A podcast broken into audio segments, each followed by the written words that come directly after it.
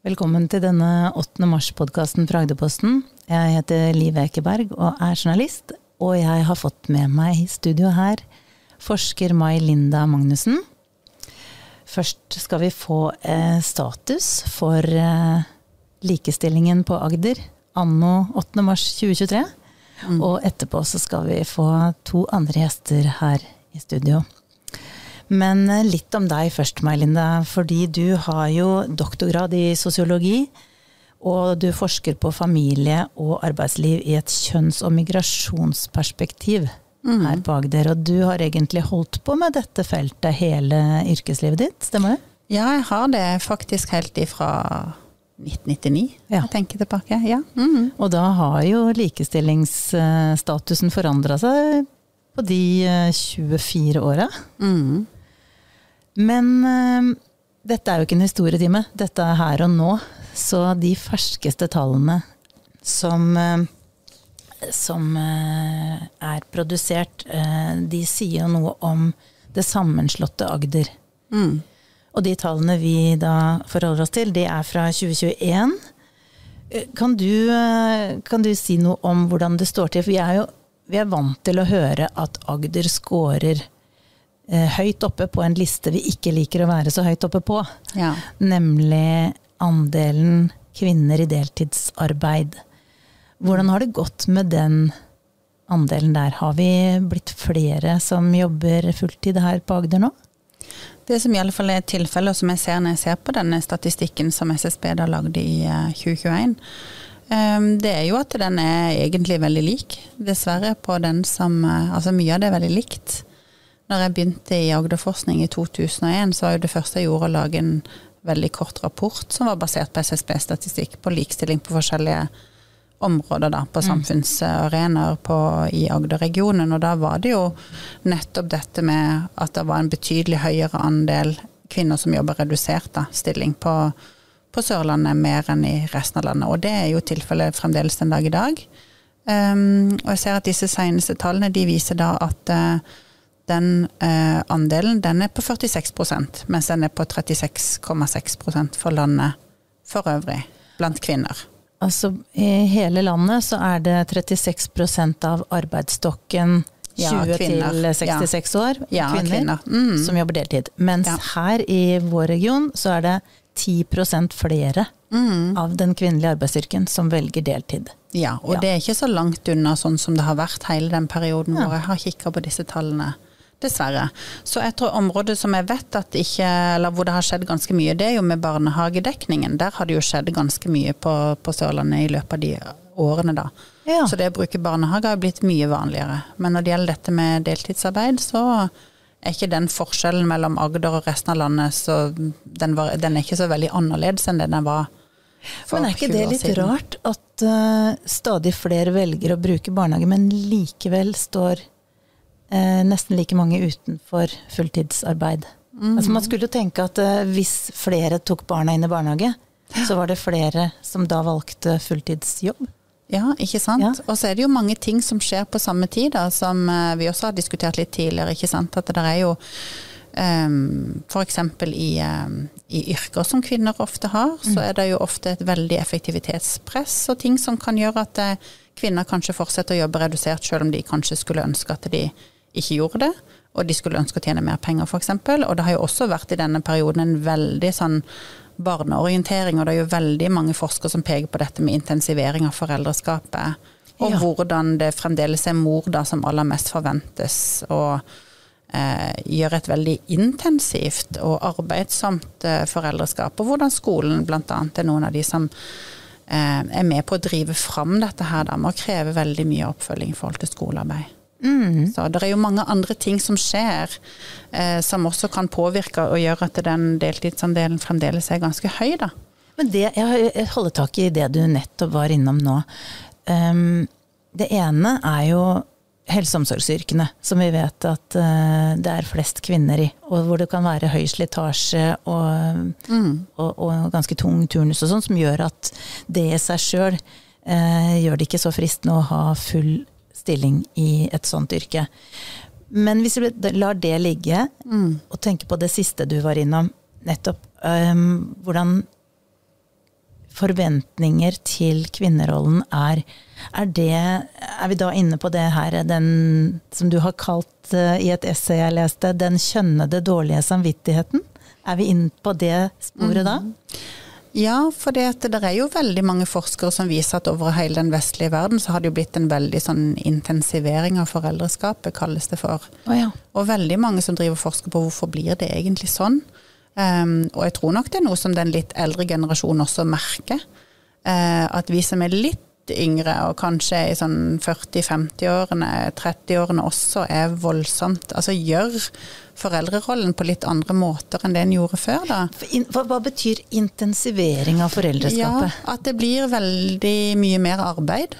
Ja. Ikke sant? At vi kanskje skulle tro at det ble mindre arbeid, for nå kan vi kontakt, ha kontakt med barna våre på mobil, og mm. ting funker så bra, og nå har vi full barnehagedekning og alt dette. Men, eh, men det er jo mye forskning som viser at vi legger jo enormt mye tid. Sant? Og, og, og, altså at vi er intenst inni i foreldrerollen ja, veldig tett på hverandre. Ja. Emosjonelt ja. tettere på hverandre. Mer intimitet er det jo en del sosiologer som mener. Altså at relasjonene skal være mer, ha høyere kvalitet, og en skal være veldig tett på. Mm, mm. Um, og så syns jeg det er interessant å se det i lys av institusjoner sånn som uh, skolen.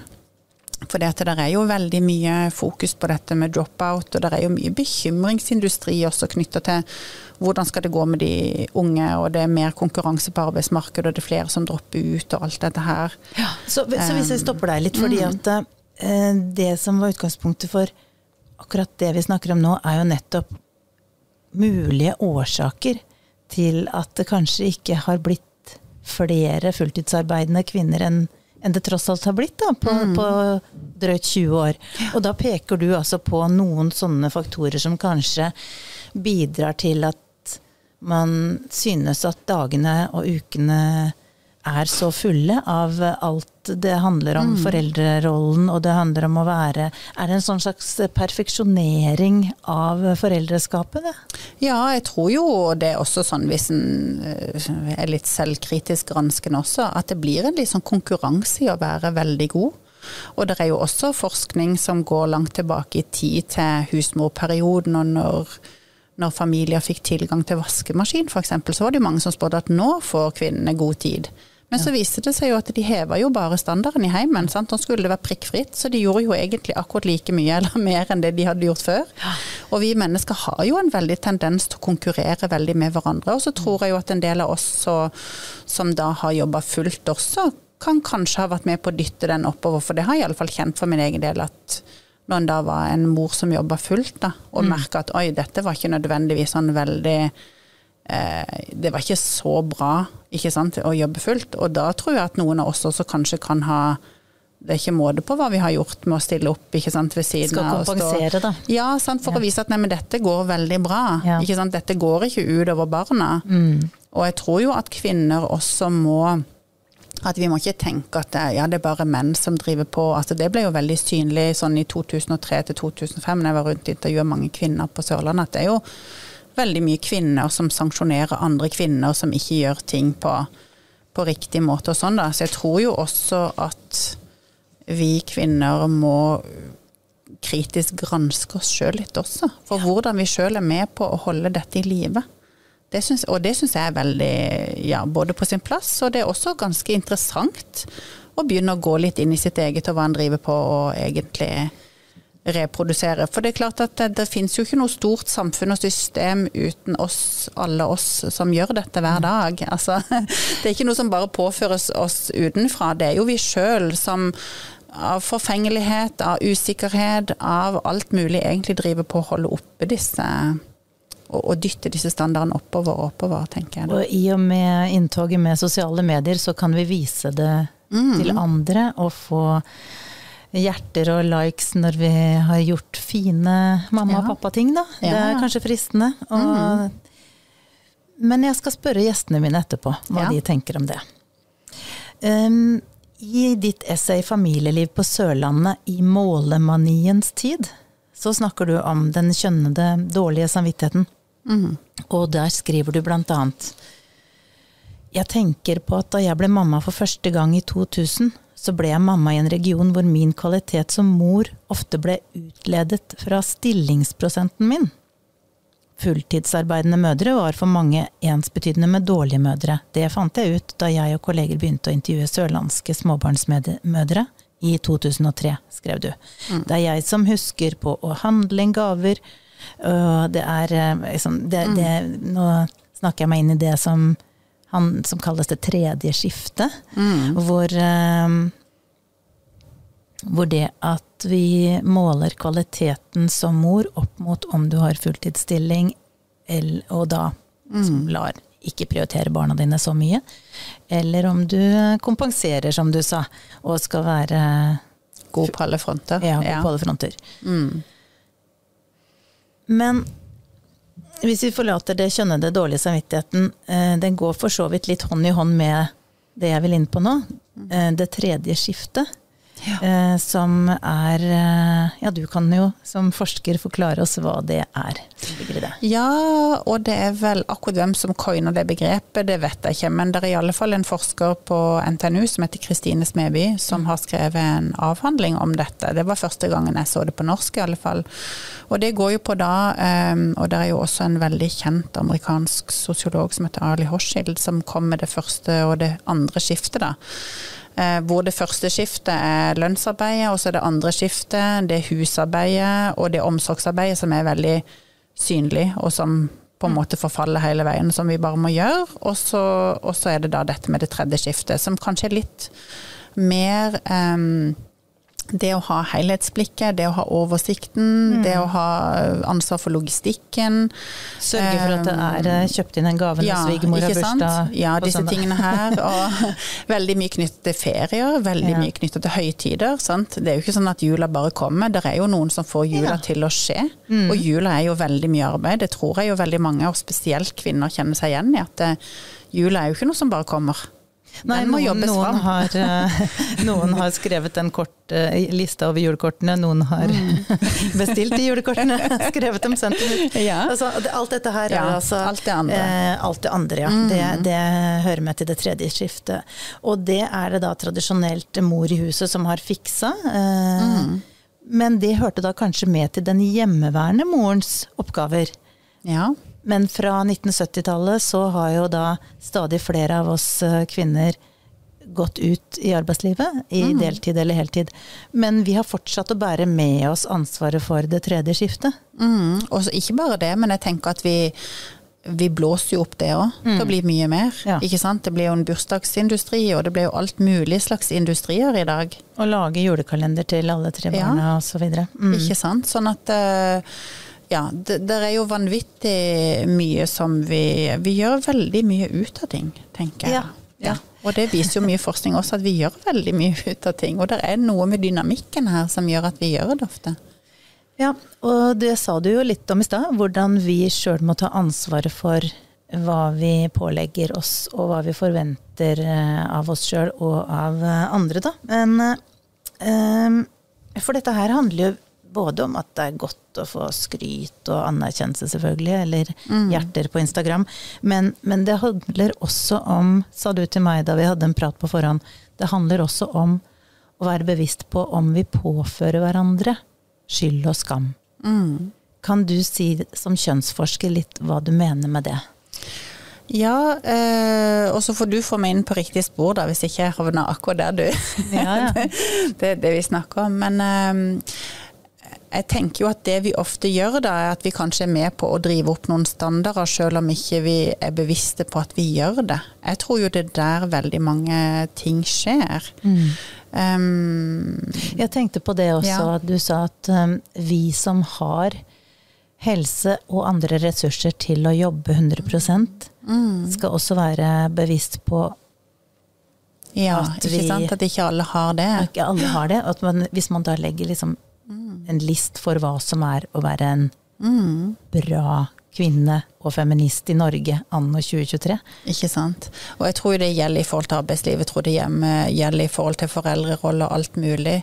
At eh, når vi prøver å være så veldig flinke, så kan vi jo fort nettopp bidra da, til å øke den standarden. Og det var jo noe av det som jeg reflekterte mm. over i det der um, essay også, som du refererte til, at ok, så, så har jeg mulighet da til å hjelpe mye med lekser, og jeg klarer akkurat å få dette her til å henge sammen fordi at vi har to biler, og vi er to foreldre, og vi har ikke noe alvorlige, ja, og vi har ikke noe alvorlige helseutfordringer eller et barn mm. med en kronisk sykdom. Altså, vi er utrolig privilegerte. Og det er jo nettopp da at jeg tror det er veldig fort gjort at vi eh, gjør ting på måter som mange andre ikke har sjanse i det hele tatt til å leve opp Bare, ikke fordi at de er slappe og dårlige folk, men fordi at de har ikke de ressursene i det hele tatt. Mm. Så det var jo noe av det som jeg kom til sjøl i forhold til det med leseleksen og sånne ting.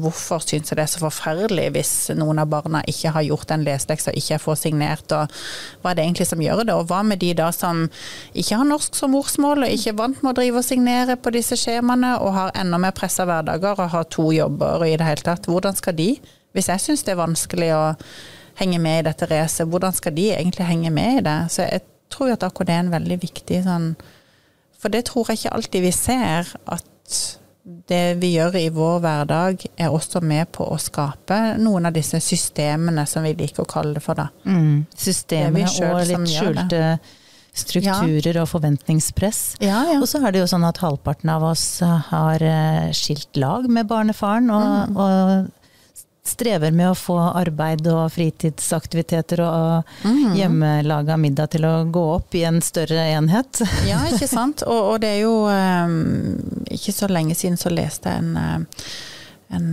ei bok uh, fra USA, da, men der var det jo ei som uh, Jeg har veldig respekt for da, som er sosiolog, som heter Dorothy Smith, som starta ut i WHO. Ei kollega av seg starta ut i sin egen dårlige samvittighet med å være med mødre. For de følte seg egentlig alltid som dårlige mødre. De var begge to enslige mødre, og de følte seg som dårlige mødre.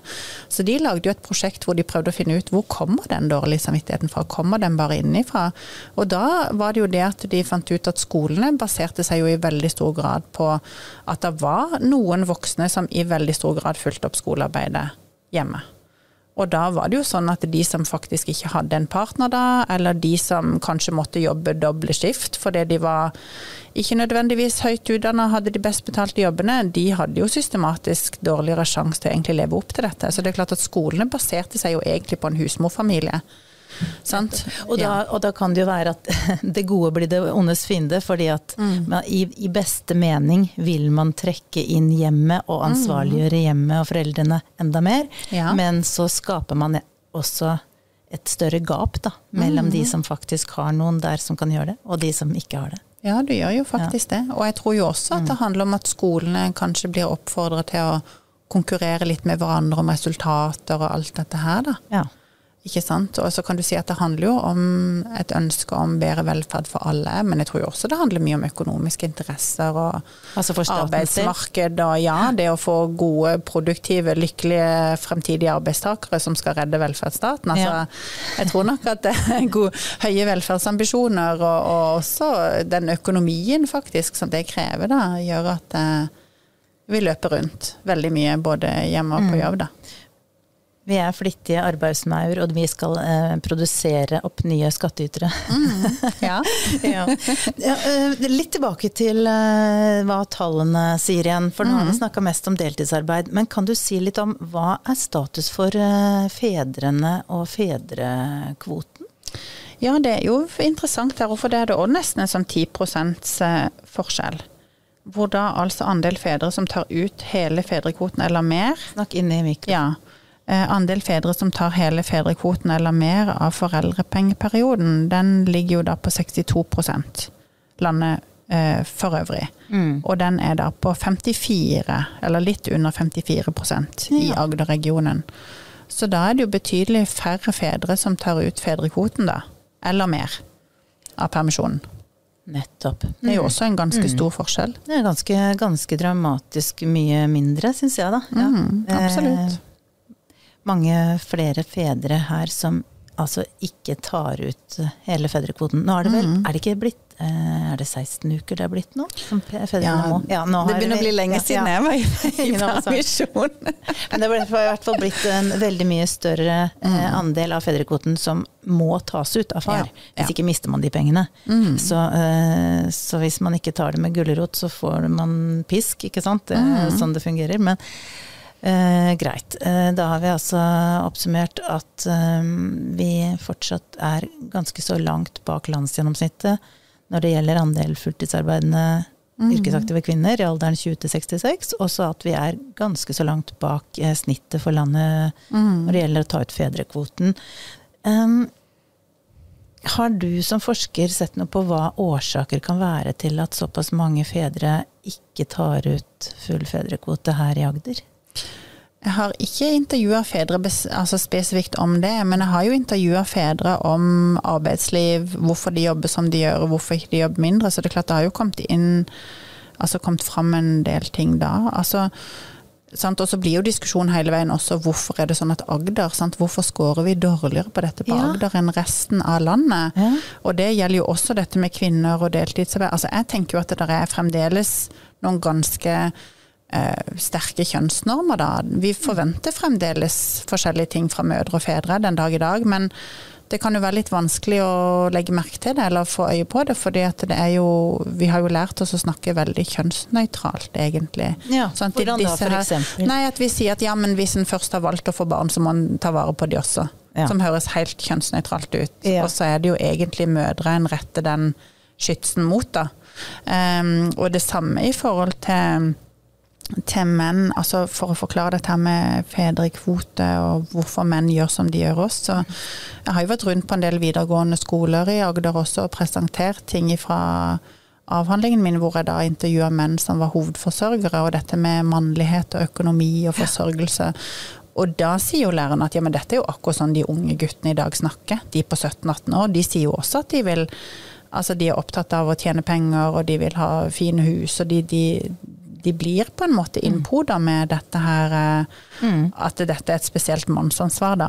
Så det tror jeg jo ligger bak her. Selvfølgelig så tjener jo menn mer enn kvinner, så det kan jo ofte lønne seg for familien at, at, eh, at kvinnene tar mer permisjon. Og så er det jo en del fedre som jobbe i veldig mannsdominerte bransjer, hvor det får utvikle seg en type mannskultur, tenker jeg også, da. Mm.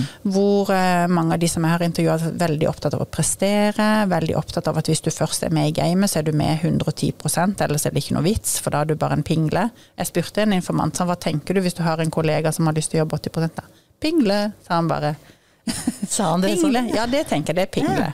Ja, ja. så, det, så det, det der er jo en del, og, og, noen som sa jo nå har jeg tatt ut mer permisjon med nummer tre, for nå føler jeg at jeg har bevist. Så nå ja. trenger jeg ikke lenger å bevise at jeg er en god um, arbeidstaker, da, og at jeg mm. kan. Så nå mm. kan jeg mer. Mm. Så det ligger jo mye i både mannskulturer og kvinnekulturer rundt på Sørlandet, tenker jeg. Og vi har jo også et mer kjønnsdelt arbeidsliv enn det som en har ja. eh, som landsgjennomsnittet da er.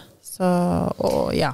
Nå får vi mm. se, for eh, den ene gjesten eh, min etterpå er en mann på 32 år som eh, er veldig opptatt av likestilling og papparollen. Og mm. absolutt ikke vil finne seg i å bli behandla som en dårligere omsorgsperson enn mammaen. Mm. Så det blir litt spennende hva han sier etterpå. Ja, det blir spennende. Uh, vi skal snart runde av denne bolken. Kan du det var en av de plansjene dine som jeg tenkte hm, det var litt overraskende den andre veien igjen. Ja, fordi du hører kanskje at jeg er østlending, og jeg har jo vokst opp med noen sånne forutinntatte holdninger til hva som skjer nede på Sørlandet. Mm. Eh, der, er jo, der er det sikkert omtrent ikke kvinnelige ledere, blant annet. De damene som jobber, de er i hvert fall ikke ledere. Men det stemmer ikke, for den ene grafen din der viser noe annet. Ja da, absolutt er det kvinnelige ledere. Og det er jo sånn at 34,9% av lederne på Agder er kvinner. Så mer, mer enn hver tredje leder mm. på Sørlandet? Eller på ja, Agder faktisk, er ja. kvinne. Mm. Mm. Og så er jo da landsgjennomsnittet på 37,6. Så det ligger jo litt under landsgjennomsnittet, men ikke en sånn kjempestor forskjell. Ikke så langt bak som jeg Nei. hadde tippa. Mm. Så det er jo positivt. Ja, og spesielt sett i lys av at det er såpass mange kvinner som jobber redusert også. For jeg vil ja. ikke tro at lederne jobber redusert, så det kan jo bety at det er en viss sånn todeling på en måte, da. Mm. At av de kvinnene som kanskje jobber fullt og deltar på lik linje, eller litt likere menn, da, så er det ganske mange av de som blir ledere, faktisk. Ja, men det, det Nå har jeg ikke spurt deg på forhånd om å sammenligne med tall på ledere fordelt på kjønn 25 år tilbake. Men der vil jeg tippe at det har vært en større forandring enn eh, Ja, det kan det kanskje. Og da i begynnelsen så var det ikke heller tall på dette. Så det er ikke så mange år at en har hatt tall på akkurat det, faktisk. Det var mange færre indikatorer i begynnelsen. Eh, Nå skal jo ikke vi sitte og se inn i glasskula, men um, hva, sånn, hva, fra toppen av hodet, hva tror du om tiden 2023 og de neste sju åra, da? Hvilken vei går det? For Ja, det- kjønns... Mm. For, for uh, kjønnsforskningen og tallene her på Agder? Er det noe som tyder på at det skal uh, galoppere i en eller annen retning? Nei, det er vel ikke egentlig det. Hvis jeg skal basere meg på de 20 årene som har gått, så Mm. over 20 år faktisk, så vil det vel rusle og gå i en eller annen retning. og, og hvorvidt det Og så er det jo sånn som jeg sa også, at det er jo så mange ting som skjer, og som en ikke har oversikt over. Mm. Og, um, og sånn som sant, når vi skal snakke om hvorfor er det sånn at det fremdeles er det mange kvinner på Sørlandet som jobber redusert, så er det jo mange ting som har skjedd. Ikke sant? Som gjør, tror jeg, da, at den er sånn relativt stabil. Um, og derfor er det veldig vanskelig å spå. Men, men det som i alle fall er veldig viktig, tenker jeg, er det at eh, Hege Skeie var jo professor i statsvitenskap og veldig opptatt av at vi tror egentlig sjøl at og går i riktig retning. Og det er veldig feil, Ja. mente hun. Og det er jeg helt enig i. At vi har en veldig sånn fremskrittstro på at den likestillingen kommer bare til å ordnes, ordne seg opp av seg sjøl. Um, eller ordne seg av seg sjøl, da, med, med bitte små skritt i riktig retning. Og det Sånn tror jeg iallfall det er litt farlig å tenke. Mm. Så hvis vi skal ha litt vei i vellinga her, eller, eller se en endring på disse tallene som gjør at vi faktisk har reell likestilling på Agder, så må vi være mer bevisst, da. Ja, så må vi ta tak. Og så tror jeg, har jeg veldig tro på dette hverdagslivsperspektivet. At alt dette her med kultur og ehm, det, er ikke noe som vi, det er ikke noe som ligger utenfor oss sjøl, egentlig. Selvfølgelig har noen bidratt til å danne kultur før vi ble født og alt dette, men, men det er jo i de der hverdagslige interaksjoner, hva vi sier og hva vi gjør, og hvordan vi eventuelt sanksjonerer andre og ikke gjør det, prøver å være mer rause, og i det hele tatt. Det er jo der slagene står, tenker jeg da. Nå har du snakka med oss fra et forskerperspektiv, og ut ifra tallenes tale og grafer. Da skal vi nå straks få to gjester inn i studio som kan si hvordan det er i hverdagen.